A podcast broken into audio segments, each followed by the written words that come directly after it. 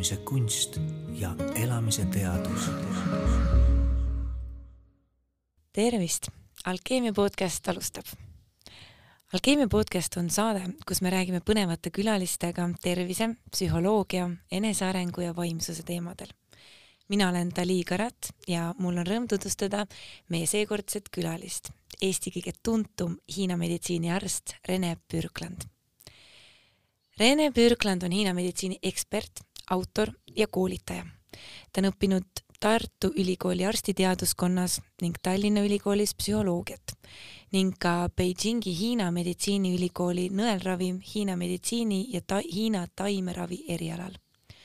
täna töötab ta Hiina meditsiini tervisealkeemia keskuses Tallinnas.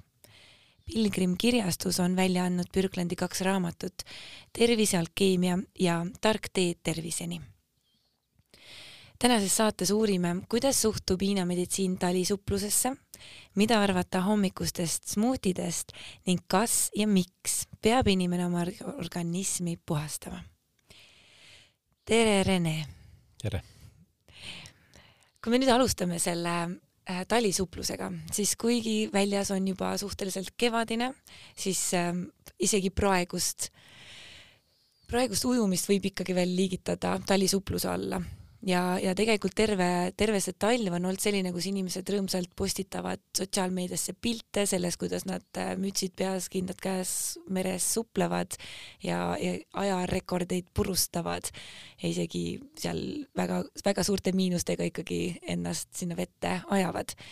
kuidas näeb Hiina meditsiin seda talisuplust ja selle mõju organismile? eks seal on äh, lähenemisi on hästi palju erinevaid ja noh, ütleme, kui võtame ühelt poolt Hiina meditsiini, teiselt poolt Wim Hofi meetodi, mis tänapäeval on hästi populaarne ja ja neid on veel, et äh, ma arvan, et siin ei saa öelda, et on üks õige lahendus. et äh, on inimesi, kellele see võib sobida, on inimesi, kellel ta kindlasti ei sobi, kes teevad võib-olla hambad ristis seda ja läbi selle kahjustavad ennast. aga kui me Hiina meditsiini seisukohast vaatame, siis siin on võib-olla kaks aspekti, mida jälgida. üks on see, et äh, elus organismi ja ka tervise aluseks Hiina meditsiini järgi on soojus. et kui sul sees sooja ei ole, siis eh, noh, me ei ole kõigusoojased, et me oleme püsisoojased äh, nii-öelda loomad, kellel on sooja vaja ja kui nüüd väliskeskkonnas on kogu aeg ja pikalt külm, siis hakkab meie sisemist soojust ka mõjutama. ja Hiina meditsiinis on üks selline väga huvitav ütlus, et äh, et külmaga ravitakse ainult surnuid et elava inimese raviks on soojus. aga ma arvan, et siin ei ole mõtet nii üks-üheselt seda võtta, et äh, näiteks kontrastdušš, et sa või, või külmast vannist sooja vanni, saunast jääauku ja nii edasi, ma arvan, et see on äh, perifeerse verevarustuse jaoks väga hea.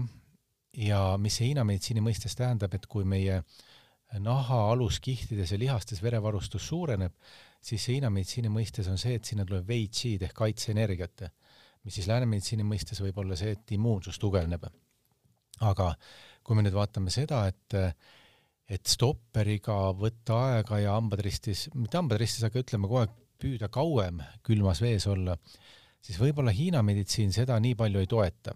põhjusel, et see külm, noh küll ta võib ka parandada pikas perspektiivis võib-olla vereringet või või kindlasti ta toob kehasse stressihormoone ja, ja nii-öelda sisemisi selliseid endorfiine või, või äh, mõnuaineid.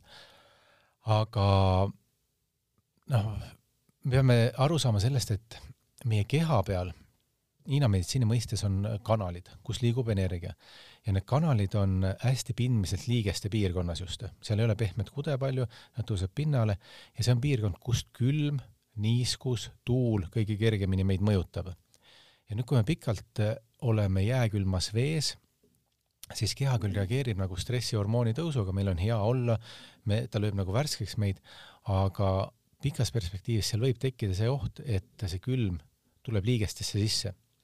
ja see ei hakka tunda andma sul kohe, see ei hakka võib-olla aasta pärast tunda andma, aga see võib kümne või kahekümne aasta pärast tunda anda. Mm.. ja seetõttu Hiina meditsiinis ei pooldata ja ei propageerita sellist pikaajalist külmas olemist, küll aga see, et sa hüppad jääauku, tuled välja, lähed sooja, hüppad uuesti, et äh, see võiks sobida. aga noh, nagu ma ütlen, et siin on erinevaid lähenemisi ja mõni inimene, ta on eluaeg seda teinud ja ta on väga terve. teine inimene, mul on sellel aastal hästi palju patsiente tulnud, kes noh, on teinud talisuplust, aga nende kehale see ei sobi. Nad on tugeva tahtejõuga, nad on kõik ära teinud, aga sa näed, kuidas see külm hakkab kogunema vaikselt, see annab kas siseorganite sümptomitena märku või liigesed või lihased, et äh, ma ei ütle, et ta halb on, aga ma ütleks niimoodi, et ta kõigile ei sobi. kuidas, kuidas näiteks mina või kuidas meie kuulajad kuidas iga inimene saaks teada või aimdus sellest, kas mulle talisuplus sobib või pigem mitte? Ja see on nüüd selline, selles suhtes hea küsimus, et selleks on vaja natuke rohkem võib-olla teadmisi, et kuidas lugeda enda, enda keha ja märke. aga noh, küll räägitakse ka sellest, et inimesed, kellel on kogu aeg külm olnud, kellel on käed-jalad külmad, hakkavad talisuplust tegema ja neil läheb soojaks olemine. aga väga laias laastus võib öelda küll niimoodi, et, et ähm, sellised nii-öelda energiast tühjad inimesed, kes on kahvatud, kes on võib-olla väsinud, kellel ei ole väga palju energiat, kellel on külm kogu aeg olla, et Hiina meditsiini mõistes neile pigem ei sobi talisuplus. et kui nad hakkavad tegema, neil nagu lööb energia üles ja neil on hea olla, aga see tuleb mingi ressursi arvelt. ja see ressurss on nüüd see, mida noh, see on eluenergia, mida me peame hoidma, mitte, mitte kulutama selleks, et, et nüüd vastu panna sellele külmale. ja ütleme jah, hästi laias laastus võib öelda niimoodi, et pigem Hiina meditsiin ei soovita sellist asja inimestele, kes on oma olemuselt, ma mõtlen kehatüübilt, on sellised rohkem külma tüüpi. ehk siis äh, hästi kõhnad inimesed, pigem külmakartlikud ja, inimesed. Ähm, kõhnad, külmakartlikud, võib-olla väsinud, võib-olla vaikse häälega, võib-olla mm. sellised äh, kahvatud, et äh, ja noh, kui me vastupidi võtame siis inimesi, kellel on palju tuld sees, kes lõkendab, kes on näost punane, kellel on alati palav, kes tuleb sul talvel vastu, hõlmad on laiali, kes räägib kõva häälega, kellel on pigem kõrge vererõhk ja nii edasi, et noh, me saame aru, et tal on tuld palju sees et sellisel inimesel tõenäoliselt see külm nii palju kahju ei tee.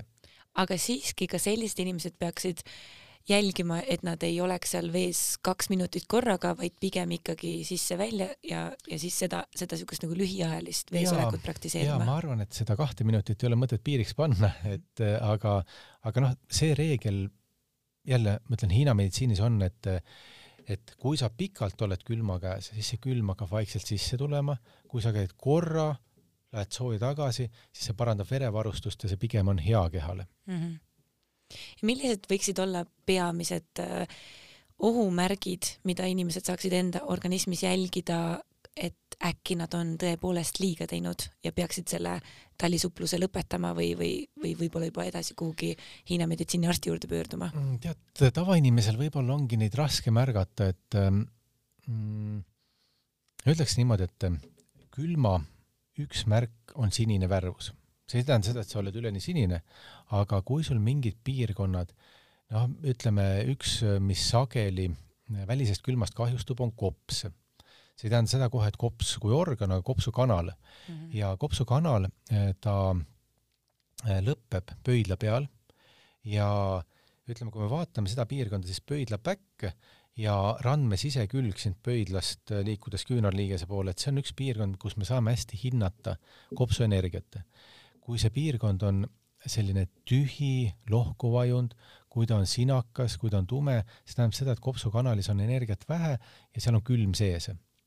et kui, aga noh, samas ma ütlen, kui inimesel ei ole Hiina meditsiini teadmisi, ta ei pruugi ta ei oska seda pöialt niimoodi vaadata. kindlasti vist, mitte, et äh, aga see on üks aga vaata, seal on väike probleem see, et ähm, tegelikult kui inimene teeb talisuplust, siis nagu me enne ütlesime, et need äh, sisemised mõnuained või endorfiinid, need on nagu valuvaigistid, need on sellised mõnutekitajad, et inimene tegelikult ei saa hästi aru oma sümptomitest.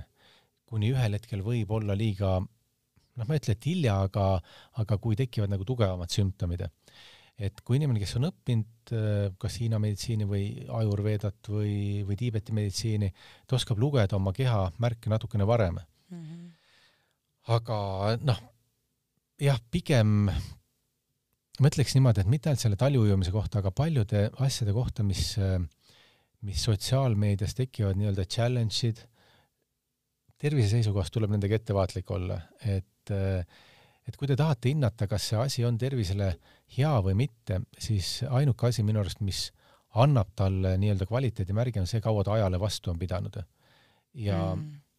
kui ta on olnud kümme aastat, see ei ole veel ajale vastupidamine, et kui on mingi meetod, mis on paarsada aastat või paar tuhat aastat, siis see on see, mis tõenäoliselt töötab teie kasuks aga kui tuleb selline hurraaga, teeme nüüd kõik ja võtame oma sõbrad kokku ja toetame üksteist, siis äh, see võib äh, mõndadele inimestele, mõndadele ta kindlasti sobib, aga mõndadele ta võib äh, tervist kahjustav olla mm. -hmm teine asi, mis siin kevade puhul hästi aktuaalseks läheb, on, on toitumine ja, ja just sellised, ütleme, see organismi puhastamine, aga, aga paljud, mis hakkavadki jälle võtavad vastu niisuguse väljakutse, et nad hakkavad nüüd iga hommik jooma smuutisid, näiteks hakkavad endale tegema kas siis magusaid või, või, või niisuguseid nii-öelda ähm, soolaseid rohelisi smuutisid.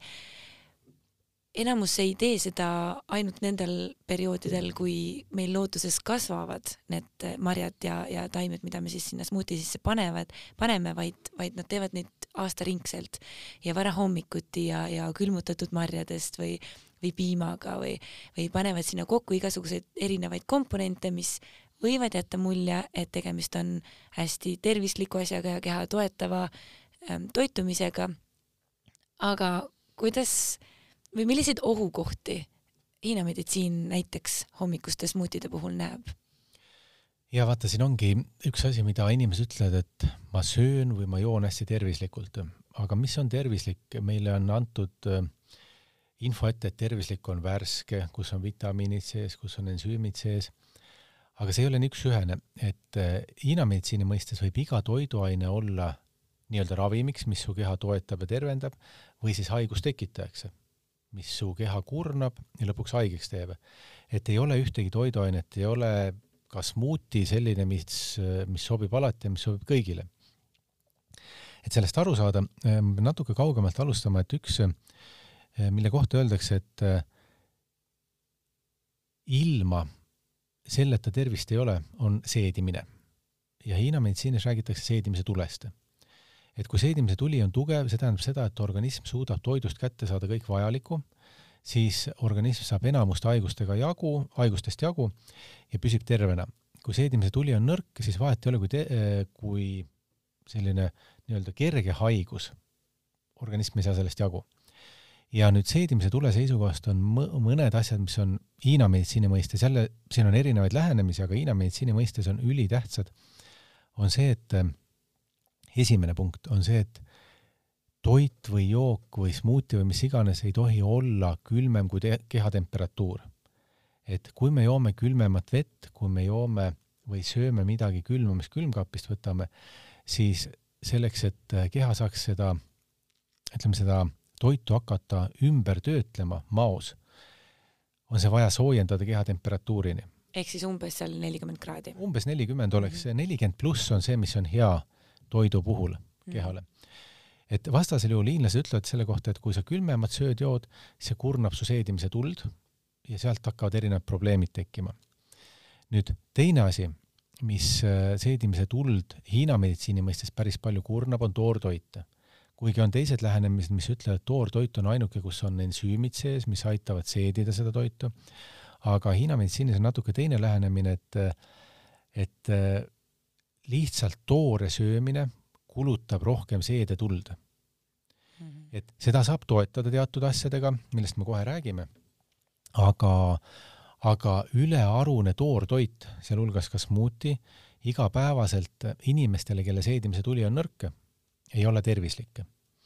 ja mille järgi me saame aru, et seedimise tuli on nõrk, keha annab sellest äh, erinevate sümptomitena märku, et äh, üks võib olla näiteks väsimus.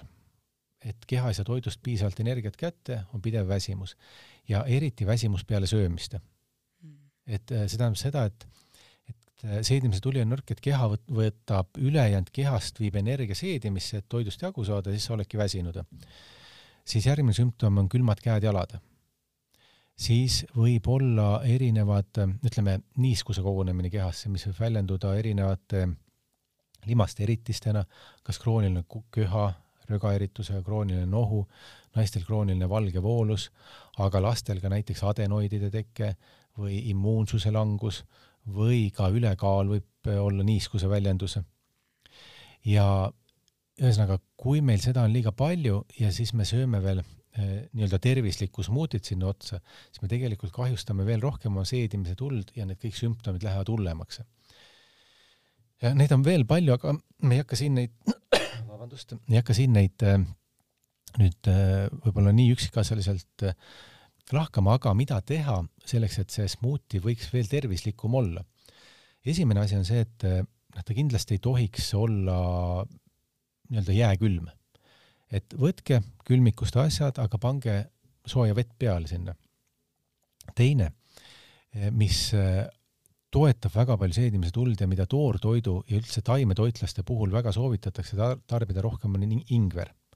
et sinnasamasse smuuti sisse ingverit panna või kaneel või kaneel mm -hmm. või kurkum, sellised soojendavad taimed või nelk, kardemon, kõik need on soojendavad mm. -hmm. aga ingver on kõige rohkem seedimise tuld tugevdav siis ähm, äh, no ütleme smuuti koha pealt võib-olla jah, siin äh, rohkem ei ole, aga, aga seal peab väga jälgima seda, et inimesed, kes, kellel on seedimise tuli nõrk, et nad ei, ei jooks ainult smuutit.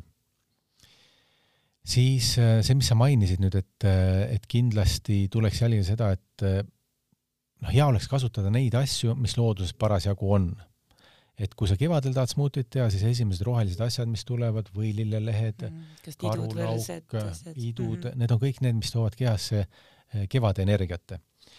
aga noh, ma arvan, et siin ei ole mõtet ka nagu eh, nii tervisehulluks minna, et seda kõike, noh, meie tänapäeva elu on selline, et meil on iga päev saadaval troopilised puuviljad, meil on saadaval, saadaval külmet, eh, külmutatud puuviljad, et äh, me ei ela enam niimoodi, et me talvel oleme pool talve unes, me kasutame palju energiat ja me peame toidust selle energia kätte saama.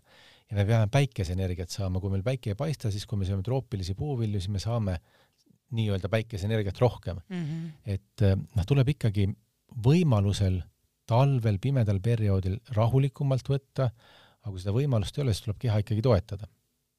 ehk siis äh, nii-öelda äh, smuuti võiks olla väga tervist toetav, aga peaks jälgima, et ta ei oleks jääkülm, et teha ta pigem, pigem soe mm -hmm. ja, ja võimaluse korral jälgida, et seal oleks võimalikult palju hooajalisi puuvilju. hooajalisi puuvilju ja, ja võib-olla paar asja veel, mida äh, selle puhul jälgida, on see, et äh, noh, kui me räägime jogurtist või piimast, mida sageli sinna sisse pannakse, siis Hiina meditsiini mõistes kõik piimatooted on väga toitvad mm. ja öeldakse, et nad annavad kehasse palju niiskust, see niiskus võib tekitada raskude, aga see niiskus, noh, mis see niiskus on, on rasvad, valgud ja osaliselt ka süsivesikud, aga ütleme piimatoodete puhul ikkagi rasvad, valgud. ja see on see, millest keha ennast üles ehitab. nüüd, kui seda on liiga palju, siis sellest tekib see nii-öelda niiskus kehasse ja üks kuulus Hiina meditsiiniarst äh, Chang Chong-Ching ütles selle kohta hästi, et äh, piimatooted on väga head tarbimiseks üks kord kuus mm.. kui neid rohkem tarbida, siis noh, meie kehal ei ole vaja neid nii palju mm. -hmm. Aga me oleme harjunud, meil ei ole vajadust, aga me oleme harjunud neid sööma ja jooma rohkem. et äh, noh, smuutides ma pigem jätaks selle ära, et kui tahate sellist rammusamat smuutit, siis võib seemneid sinna sisse panna näiteks jah, ja soe vesi on juba, juba hea, hea, väga hea onju. ja, ja mm hommikul ma arvan, et kõige parem hommikut on alustada nüüd mao seisukohast, on klaasi sooja veega. et see äratab rahulikult mao üles, et kui sa võtad jäävett või võtad mingit külma smuutit, siis see on natuke šokk maole mm. -hmm ja kui me nüüd lähmegi sinna organismi sissepoole, siis kevad hästi palju seostub inimestel ka organismi puhastamisega ja paastudega ja, ja ongi, et kevad ja sügis on siuksed nagu põhilised siuksed väga head paastuajad, organismi puhastamise ajad. teeme kõigepealt alguseks selgeks, mis vahe on paastul ja organismi puhastamisel. kas paast on, kas iga organismi puhastamine on paast? ei pruugi olla, ei pruugi olla, et selles suhtes äh, vaata, me peame, ma esimeseks võib-olla võtaks veel sammukese tagasi, et organismi puhastamine ja organismi puhastumine mm. -hmm. et organismi puhastumine on see, mis toimub kakskümmend neli seitse. et kui seda toimuks, siis me, ma arvan, me homset ei näeks. et organism on nii tark, et ta pidevalt puhastab ennast jääkidest, noh, hingamine on kõige lihtsam näide puhastumisest. et CO2, mille me välja hingame, see on kehale mittevajalik, kuigi noh, teda on kehas vaja ka, et kui ta kontsentratsioon veres läheb liiga madalaks, siis meil tekivad ka probleemid.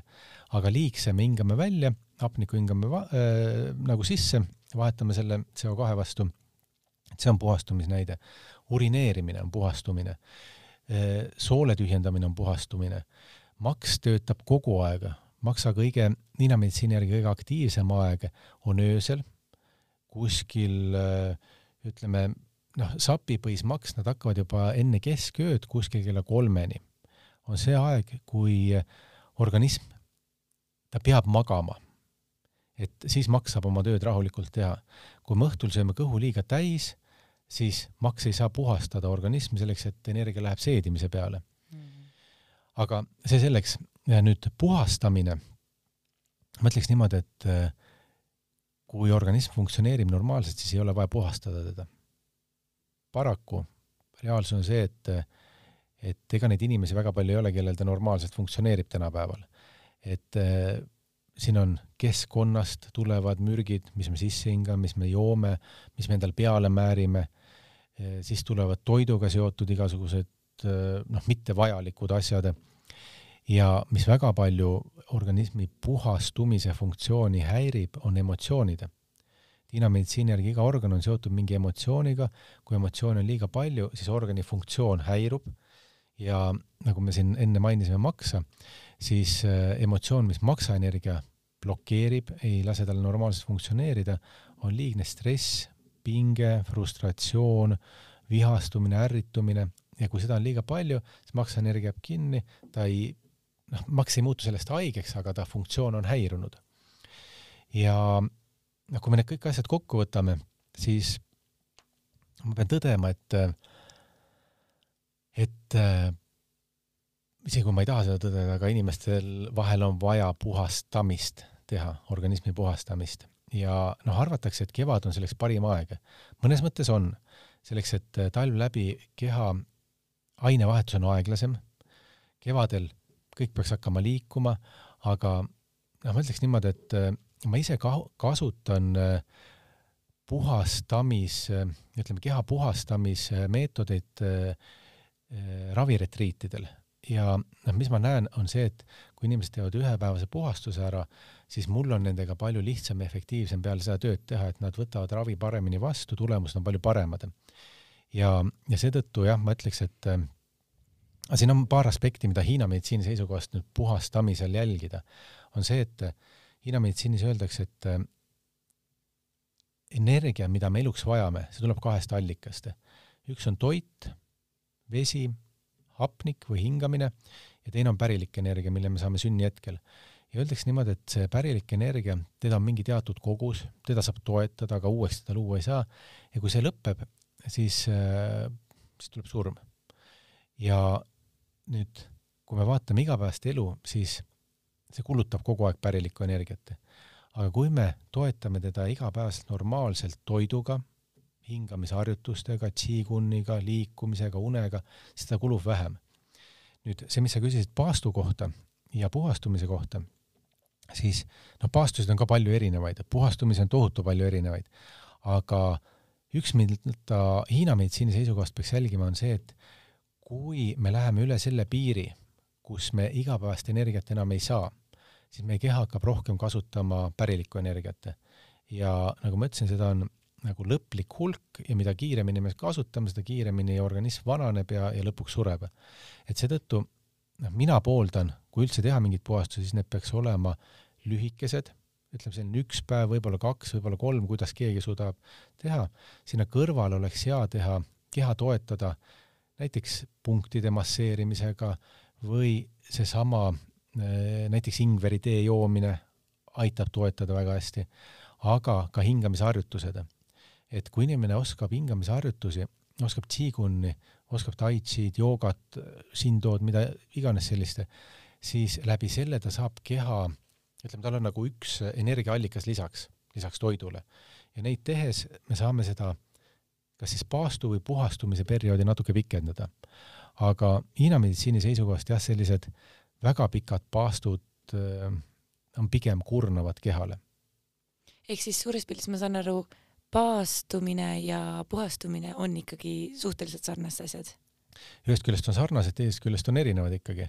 et äh, kui me võtame puhastumise, siis me, me võime seal juua, võib-olla ka süüa sisse mingeid asju, mis aitab kehal jääke eritada mm. -hmm. kui me tege-, teeme paastu, siis keha hakkab kasutama neid ressursse, mida ta on kogunud, põhiliselt rasvkude ja noh, me teame seda, et äh, rasvkoes on väga palju salvestunud mürke ja jääke, mis hakkavad sellel ajal välja tulema, et seetõttu paastu ajal on ka hästi tähtis juua rohkem, aga, aga noh, hea oleks, kui saaks ka soolestikku tühjendada.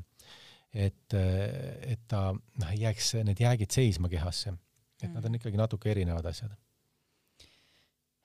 väga palju on äh, kuulda neid äh, edulugusid äh, erinevatest organismi puhastumistest ja, ja ka paastudest ja, ja inimesed on väga altid jagama oma, ongi edulugusid, aga samamoodi on, on, on siin-seal kosta ka lugusid, kuidas ühel või teisel ei lähe nii hästi või, või tehakse endale täitsa poolkogemata väga liiga enda organismile. kuidas teada, millist puhastumist valida või või mida siis enda kehaga teha selleks, et me saaksime puhtamaks, et me saaksime organismile justkui sellise kevadise restardi teha ja samal ajal mitte endale kahju teha? ma arvan, et see on nüüd selline küsimus, millele on suht raske vastata, et ähm, vastaks niimoodi, et kõik inimesed on erinevad, et siin ei ole ühte retsepti. Ja, ja nüüd äh, mismoodi inimene valiks selle mm, jah, nagu sa ütlesid, et edulood, aga vaata, noh, inimloomus on see, et presenteeritakse edulugusid, keegi ei presenteeri läbikukkumisi mm. -hmm. ja, aga see on üks reegel, et ei ole ühte puhastust, mis kõigile sobiks. ei ole lihtsalt sellist või ei ole ühte ravimit, mis kõigile sobiks või ühte ravimtaime või ühte meetodit, et kõik inimesed on erinevad. et noh, kui ma üldse mingit soovitust annaks, siis pigem see, et ehm, pigem vähem kui rohkem et ärge minge suurte sammudega mm. -hmm. et võib-olla teha, alustada sellest, et äh, see nii-öelda vahelduv paast või intermittent fasting, et te jätate ära näiteks õhtusöögi. keha saab sellega ilusti suht lihtsalt hakkama. noh, loomulikult siin on ka erisusi, et kui inimesel äh, on diabeet, et siis ikkagi jälgida suhkurt ja noh, need inimesed, ma arvan, et ise oskavad seda teha. aga ja noh, teine asi võib-olla, mis on, et äh, kui on sellised äh, natukene karmimad dieedid või paastud, et siis ikkagi teha kellegi spetsialisti käe all neid, kes äh, kas oskab sind juhendada või oskab jälgida, et näeb ära, kust üle minna ei tohi. et jah, ütleme, et ei ole mõtet nagu hulluks minna nende asjadega.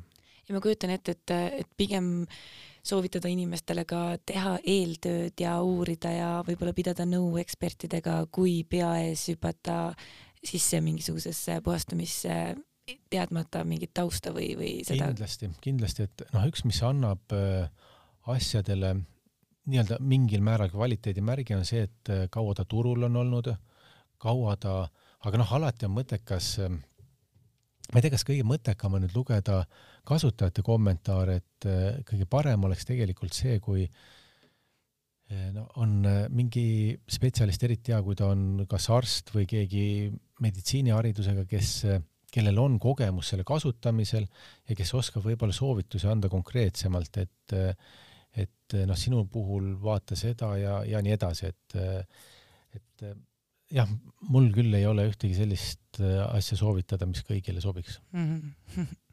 ühelt poolt teeb selle maailma just põnevamaks. kindlasti, kindlasti. igaüks saab ise uurida ja vaadata, et mis talle sobib ja mis talle meeldib ja mis meetod sobib äh, kõige rohkem, onju. täpselt mm.. kuidas ähm,, oota, ma teen siit uuesti, jah. praegusel ajal hästi palju räägitakse ähm, kogu sellest ähm, ütleme niimoodi, et, et haiguse ja tervise tasakaal on tõusnud ähm, väga päevakorda või, või on juba siin aasta aega väga päevakorras olnud. kuidas Hiina meditsiin ähm, suhtub ähm, sellisesse iga inimese võimesse ise oma immuunsust tõsta ja hoida ja säilitada? mida võiksid kuulajad kodus saada teha selleks, et, et tervena püsida mm? -hmm. no see immuunsuse teema on ma arvan, et läbi sajandite ja aastatuhandete olnud kogu aeg äh, tähelepanu keskmes. Ja meil siin nüüd praegult äh, selle Covidiga äh, seoses kindlasti rohkem kui tavapäraselt, et inimeste terviseteadlikkus on päris palju tõusnud viimase aasta jooksul. et äh, on mõned sellised lihtsad asjad, nad on väga lihtsad, aga neid igapäevaselt teha, selleks sul peab olema tahtmist, sa pead muutma oma eluviise, et öeldakse, et äh, on kui sa teed neid asju, siis äh, su tervis nii ehk nii paraneb. esimene on töö ja puhkuse tasakaal. et eestlased on teada-tuntud kõvad töötegijad ja jube viletsad puhkajad. et äh, noh, kui me kurname ära oma energia tööga, siis meil ei ole nii palju energiat võib-olla, et äh, vastu panna teatud haigustele. teine on piisav uni. uni on see aeg, kui keha parandab ennast, kui ta taastab enda varusid ja seda on vaja ja uni ei ole ka, ütleme, kui ma võtan päevase une ja me võtame öise une, siis need on, on erinevad. ja noh, mida uneks, une hügieen on ülitähtis. see, et me ei vaata õhtul enne magamaminekut ekraane, et noh, sellest räägitakse tänapäeval hästi palju, et sinine valgus, kui ta silma tuleb, ta ei lase tekkida äh, nii-öelda unehormoonil, melatoniinil et äh, punane valgus on see, mis või pimedus on see, mis aitab sellel tekkida, aga kui me oleme, noh, kui meil on magamistoas televiisor või me oleme arvutiga voodis või enne magamaminekut veel vaatame tele, telefoniekraani, siis see annab kehale märgi sellest, et sinine valgus, oo, päevaaeg, et ei saa magama jääda. ja noh, neid asju on palju, aga uni on ülitähtis. siis järgmine asi on toitumine. et äh, noh, see on täitsa eraldi teadus Hiina meditsiini seisukohast, et see sõltub aastaajast, see sõltub kehatüübist, see sõltub sellest, kus me elame, mis tööd me teeme, vanusest, soost, kõigest, aga see on hästi lihtne reegel, on see, et, et kui inimene suudab seda teha, siis ta saab päris palju enda keha juba toetada ja on see, et võtame söömiseks aega. ehk kui su tähelepanu on söögil, sa mälud, sa tunned maitset, sa oled kohal, siis saad aru, kas su kehal on vaja seda toitu või ei ole. see on, üsna kiiresti tuleb see tunnetus ja toitu kulub palju vähem, sa saad palju paremini sealt asjad kätte ja, ja teine asi, ütleme, kui me ei saa aru päris hästi, kas see sobib või ei sobi, siis me alati peale sööki saame aru, kas see toit sobis meile või ei sobinud. et kas ta toetas meie keha, on meil rohkem energiat, on meil parem olla või ta kurnas meie keha, et oleme me väsinumad, roidunud, või on täiskõhutunne või on puhitused ja nii edasi. et toit on see, mis igapäevaselt väga palju annab. ja neljas asi on äh, füüsiline aktiivsus.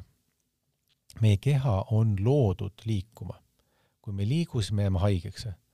ja ütleme, üks asi on lihtsalt kas füüsilist trenni teha või jalutada või joosta või midagi sellist.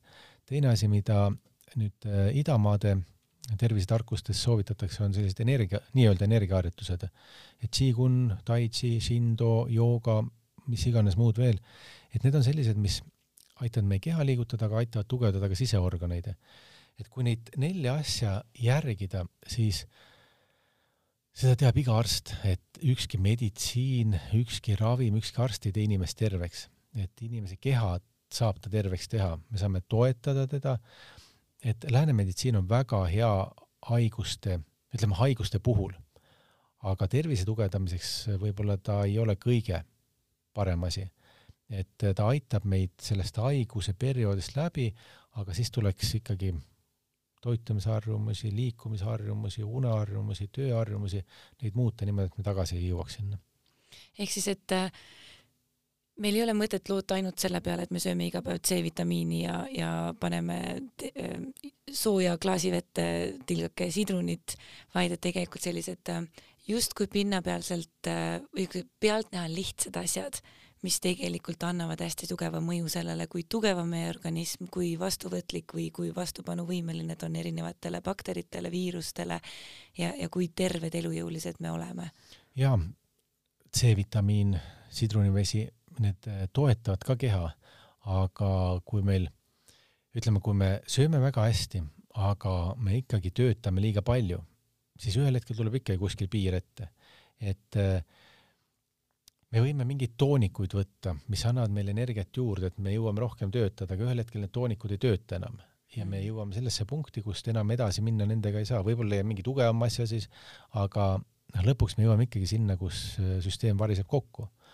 Et äh, noh, keha annab märku palju varem, kui ta haigeks jääb. et need märguanded on need, et ma ei ole enam terve. Need on mm. mingid, noh, kui me tunneme, et me hommikul ärgates oleme väsinud, siis kohv ei ole see, mis äh, meid ravib. et mm. meid ja noh, me lükkame edasi seda, meil tekib lõpuks krooniline väsimus, meil tekib kurnatus ja siis keha annab kuskilt järgi niimoodi, et tekib haigus. ja, ja minu meelest üks äh, selle äh, isegi hirmuäratav võib-olla äh, ma võiks öelda, on see, et äh, me oleme nii harjunud äh, sellise kõrge stressitasemega, väsimusega, kurnatusega, sellega, selle tundega, et kogu aeg on justkui kiire või kogu aeg on tempo peal, et see närvisüsteem on kogu aeg nagu natukene ärev või, või kuidagi nagu ergas. jah -hmm., ehk siis, et äh, me ei panegi enam tähele neid märguandeid, mida keha annab, näiteks et me hakkame muutuma hajameelseks või, või me hakkame unustama või me haigutame keset päeva -hmm. või, või meie keha kuidagi annab märku, et meil ei sobi see toit, mida me sööme, aga me ei pane seda tähele, sest et see, need on muutunud juba normaalseks, et ma ei tea, inimesed pärast söömist on väsinud või, või keha, kõht on näiteks punnis, onju. et peaks äh, olema mm. -hmm. aga vaata see, ma arvan, et see probleem saab väga palju alguse sellest, et et meie tähelepanu kese on meist väljapool me ei ole tänapäeval enam keskmes ehk me ei jälgi, mis meie organismiga toimub, vaid meil tuleb nii palju infot väljapoolt, et me kaotame enda ära. ja organism annab märku, et kuula, vaata, see asi on korrast ära, siis tulevad esimesed haigussümptomid, võib-olla pea valutab või kõht on kinni või midagi muud, me saame ravimitega nendest kiiresti jagu, et saaks jätkata samas normis mm. -hmm. ja samamoodi on, kui sa kuulad uudiseid, siis öeldakse, et et nüüd äh, varsti ehk me jõuame jälle normaalsesse tavaellu tagasi, et äh, Covid taandub ja nii edasi, et äh, see ei ole normaalne tavaelu, kuhu me tagasi tahame jõuda. Me tahame sellesse rattasse tagasi jõuda, et me saame kogu aeg hullu panna nii-öelda mm. -hmm. et võib-olla vaadatagi praegult seda, et mida see, see üldine olukord maailmas meile õpetab. et võib-olla meil on vaja tagasi tõmmata natukene, ka mm -hmm. suures plaanis jah, või need siuksed fundamentaalsed alustalad nagu paika natukene uuesti saada või, või vaadata, et okei okay,, et millel, millel kõik see baseerub, millel minu tervis ja tugev eh, nagu ütleme, energiatase, millel see üldse baseerub. et ongi, et ma võin väljapoolt seda kohvi või vitamiini endale sisse panna, aga aga et kui need baastegevused on, on väga puudulikud või auklikud, siis, siis, siis need plaastrid enam seda verd kinni ei hoia ühel hetkel. Mm -hmm ja väga põnev, kindlasti väga palju nagu igaühel võimalust endasse vaadata ja natuke oma elustiili analüüsida, et mida ja kuidas ja kas parandada. kindlasti. ma küsiksin kokkuvõtteks ja, ja siin lõpetuseks sinu elutarkused, Teri, et millised võiksid olla sellised kolm kõige olulisemat äh, siukest tervise alkeemia nippi, mida sa täna alkeemia lugejatele ja kuulajatele kaasa annaksid? Noh, need on nüüd sellised asjad, mis ma pean koha peal välja mõtlema. Et võib-olla üks ähm, esimene, ma ise nimetan seda, üks mu õpetaja andis selle nime, et see on äh, ühe grammi reegel. et tema puhul oli see see, et ähm, ta on ise tai chi'ga tegelenud äh, vist kakskümmend aastat, aga ta ikka käib Hiinas oma õpetaja juures ja ta ütleb, et ta alati saab sealt mingi grammi juurde mina seda ühe grammi reeglit vaatan niimoodi, et kui me iga päev kas või ühe minuti investeerime oma tervisesse, see tähendab seda, et kui me hommikul näiteks hõõrume käed soojaks, seerime kõrvad soojaks, siis sellega me paneme kehas energia ja vere liikuma, mis on elu aluseks. ja see võtab meil aega üks minut, aga pikas perspektiivis annab see suure efekti. ja seesama, et, et noh, kui me teeme väikseid muutusi, siis nende efekt tuleb sellest, et me iga päev järgime seda. vahel võib-olla kukkume sealt rajalt ära, ei ole hullu, tuleme tagasi, aga pikk perspektiiv on see, mis annab efekti. siis noh, võib-olla mõned sellised lihtsamad asjad, et, et seesama seedimise tule, toetamine ja jälgimine, soojus, aga võib-olla veel tähtsam see, et kohalolek söömise ajal. et noh, kui praegult minna kuskil lõunasöögi kohta, siis me näeme, kui paljudel inimestel, noh, kes üksi söövad, neil on telefon ees.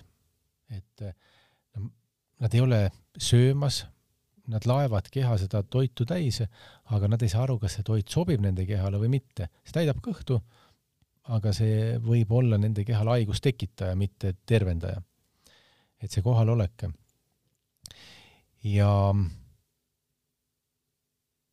jah, võib-olla kui sa niimoodi küsid seda ühte asja veel, et siis äh, eestlaste puhul ja minu enda puhul ka oskus puhata mm..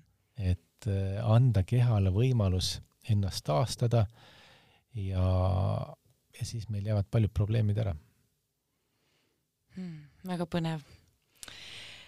aitäh, aitäh saatekülalisele Rene Pürkland. aitäh ka kõikidele kuulajatele meie tegemisi saad sa jälgida nii Facebookist kui ka Instagramist kui ka alkeemia.ee lehelt ning ootame sinu kirju, tagasisidet ja soovitusi aadressil alkeemiapodcast at delfi.ee. mina tänan ja kohtume järgmisel korral. alkeemia, muutumise kunst ja elamise teadus